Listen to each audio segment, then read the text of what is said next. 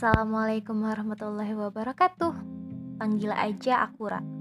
Udah lama banget pingin buat sebuah sesi podcast bahas tentang be home alias broken home. Secara harfiah, broken home merupakan kondisi saat sebuah keluarga mengalami perpecahan dan terputusnya struktur peran anggota keluarga yang gagal menjalankan kewajiban dan peran mereka. Karena itu, be home gak selamanya tentang pasangan yang berpisah. Tak selamanya tentang toxic parent. Bisa jadi karena toxic child bikin serem ya. Selain karena pernah mengalami, aku juga banyak sharing dengan orang-orang yang senasib. Jadi sedih nih. Tujuanku buat sesi Bihom ini adalah untuk menyemangati diri dan kita semua bahwa setiap orang berhak bahagia dan bisa jadi orang yang lebih baik. Bagaimanapun latar belakangnya. Karena sejatinya rasa sakit, rasa hancur, dan rasa pedih itu hadir untuk membelajarkan. See you soon. Wassalamualaikum warahmatullahi wabarakatuh.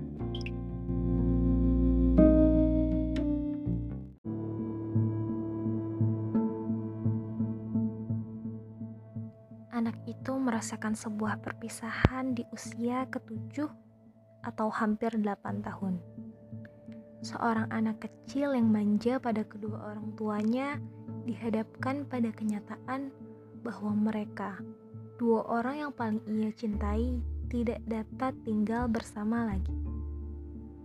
Anak itu belum paham apa-apa. Yang pasti, hal yang berubah dari rumahnya adalah tak seramai dulu. Ya, ramai dengan nada tinggi atau kejadian-kejadian yang hanya ia lihat dalam sinetron sebelumnya. Bisa dibilang sedikit lebih baik. Sebagai anak yang masih cukup kecil, ia tidak begitu paham mengapa orang tuanya berpisah. Ia tak paham kenapa rasanya tak sama lagi. Ia tak paham mengapa seperti ada yang kurang. Dan ia pun sadar Oh, ternyata itu ayahnya tak kunjung pulang karena kini mereka telah berbeda lintang. Orang dewasa itu rumit pikirnya. Tetapi orang dewasa itu juga tetap manusia. Aku, dia, kamu, mereka bisa melakukan kesalahan bukan tugas anak itu dapat menghakimi keputusan dua orang dewasa yang memilih untuk berpisah. Ada kesalahan yang bermula dari kesalahpahaman, yang bermula dari ego diri, yang bermula dari dosa-dosa yang tak kunjung ditaubati. Ini bukan tentang siapa yang salah, tetapi tentang bagaimana kita dapat menyelesaikan masalah entah dengan kembali atau dengan jalan berbeda arah yang berarti berpisah. Hari ini anak itu memahami bahwa setiap keputusan akan menghadirkan jalan berbeda.